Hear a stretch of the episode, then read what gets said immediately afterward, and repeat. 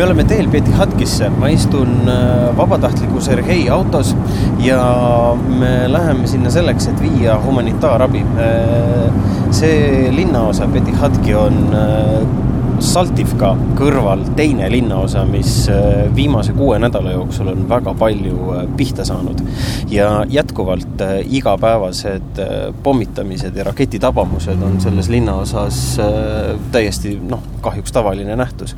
nii nagu meil on öeldud, elab seal ikka veel nii kakssada inimest, kes ei ole olnud nõus ära kolima ja selle konvoi, millega me sõidame, eesmärk ongi siis viia humanitaarabi, toitu mm, vett ja, ja muud eh, esmavajalikku. me oleme teel sinnapoole ja oleme kinni peetud esimeses eh, teepunktis, nii et eh, panen vahepeal mikrofoni käest ära, et dokumente näidata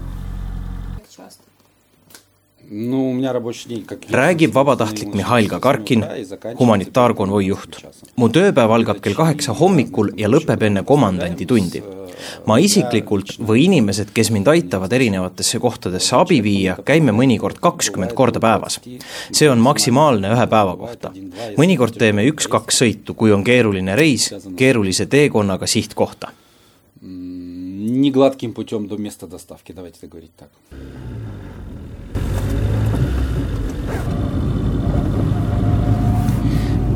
Linnaosa, kuhu me oleme sattunud või see mikrorajoon, need mikrorajoonid, millest me läbi sõidame, ei ole ju esmapilgul kuidagi teistsugused kui need, mida me tunneme kodust või see, mida me oleme näinud Ukrainas muidu, kui välja arvata see, et absoluutselt iga maja on üht või teistpidi eh, pihta saanud, me näeme kolmekordseid maju, millel on eh, noh, ühte nurka lihtsalt ei ole, sest see on saanud tabamuse. me näeme viiekordseid maju, kus on noh, tulnud sisse vähemasti üks rakett, nii et seal on rõdud alla vajunud, näha on eluruumide sisemust, palju siin ohvreid võib olla, on ainult äh, arvamise koht äh,. me möödume lasteaedadest, laste mänguväljakutest, koolidest, garaažidest äh,, igal juhul praegu on see ala Ukraina sõjaväe äh, kindla kontrolli all, nii et hea seegi. Они там никому не нужны jätkab Mihhail. seal on inimesed, keda pole justkui kellelegi tarvis. Need, kes peavad nende eest hoolt kandma, ei ole selleks võimelised.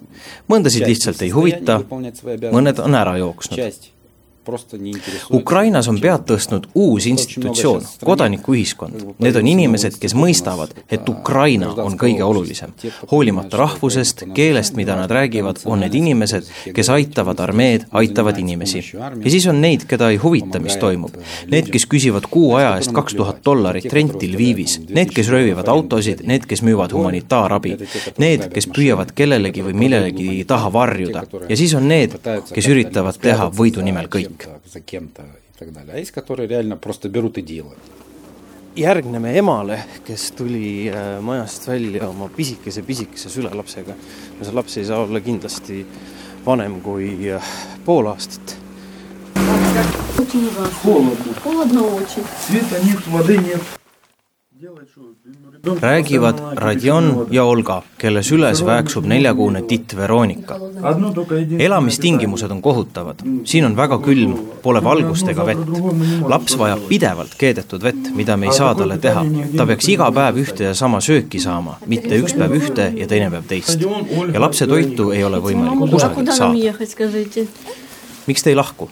ja kuhu peaksime minema, öelge mulle, metroosse seal on isegi hullemad tingimused, et seal haigeks jääda, laps on alles neljakuune. selline on meie elu tänu kellelegi. nii me nüüd elame ja kaua me nii peame elama, ei tea. me elame pidevas hirmus. me elame hirmus, aga mis teha meiega ei ole siin eriti palju inimesi. meie perekond elab keldris. oleme siin elanud kahekümne neljandast veebruarist saadik. kas laps tunneb midagi? loomulikult, ta nutab kogu aeg, ta kardab humanitaarabi tuleb kord iga kolme päeva taga. see tuuakse koolimajja. aga mida seal antakse? Neil ei ole beebitoitu ega mähkmeid. Neil on pakkuda nuudleid ja saia. see on kõik, mida nad saavad jagada. ei küünlaid, ei midagi. püüame ellu jääda. püüame lihtsalt ellu jääda. Ну все, ну маленькая, да. У нас, да, много.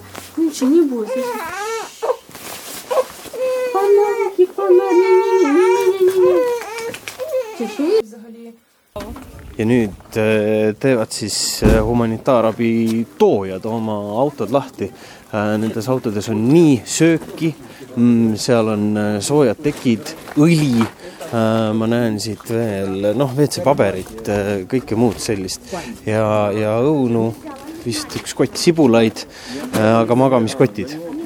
Ja, ja soojad asjad on need, mis lähevad, lähevad väga-väga kiiresti mis on ka arusaadav, sest et äh, tänane ilm on küll selline päikesepaisteline, aga tuul on nii kõle, et, äh, et isegi äh, sellisest sügisjopest on natuke vähe, igal juhul kindad on käes ja noh, me näeme seda tõesti, et siin auto ümber on praegu üks, kaks, kolm, neli, viis, kuus äh, abivajajat, kes kõik lähevad ära kas madratsite või äh, tekkidega.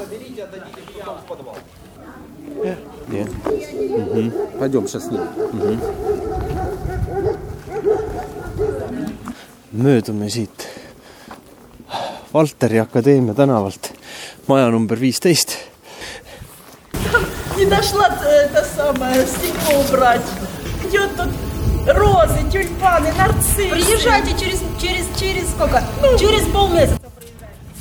tulge poole kuu pärast tagasi, siis on äh, prouade maja külje peal olev äh, peenar täis väga-väga palju õiteilu, noh, tõepoolest rohelisi taimi on siin, on siin küll ja veel, aga nad kirjeldasid, et siin on roosid, siin on tulbid, siin on nartsissid ja nii edasi, nii edasi.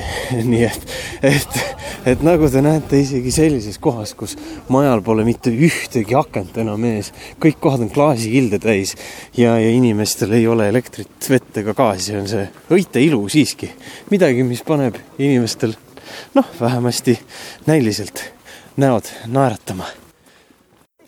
Воды нет, света нет, еды нет, медицины нет. Вы сегодня увидели, мы с вами возили сегодня воду, мы с вами возили сегодня одеяло, мы возили детскую еду, мы возили еду э, людям. Я привез еще был ящик медицины. Вчера было то же самое, вот, даже больше. Поэтому Pole vett, valgust ega ravimeid. Te nägite ise seda kõike. tassisime täna koos teiega vett, tekke, lasterõivaid ja toitu inimestele. tõin veel ühe kastitäie ravimeid. eile oli sama isegi veel enam. sellepärast me sõidame sinna, sest muud valikut ei ole, sest keegi teine sinna ei lähe. see on meie risk, meie transport, meie bensiin ja meie elud, sest keegi ei ole kindlustatud. Nad on istunud kümme päeva pimedas, ilmselt sama kaua ilma veeta. inimesed on juba praegu viimase piirini viidud. eile sai kolmekuune beebi esimest korda riideid. inimesed said pursuika olen ühes intervjuus öelnud, et ainult inimesed saavad inimesi aidata. kord ütlesin, et president Zelenski parimad abilised ja sõbrad ei ole mitte rahvusvahelised partnerid, vaid Ukraina inimesed, kes oma väge näitavad. teist võimalust lihtsalt ei ole.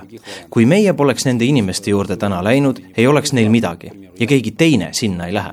nägite isegi, teed on tühjad. Neil poleks midagi, kui me seal ei käiks meid on vähe ja abi, mida jagada saame, on ka vähe, kuid teeme, mis suudame. которую можно раздавать, гуманитарки. Но пока так. Угу. Мы делаем то, что мы можем делать в наших силах.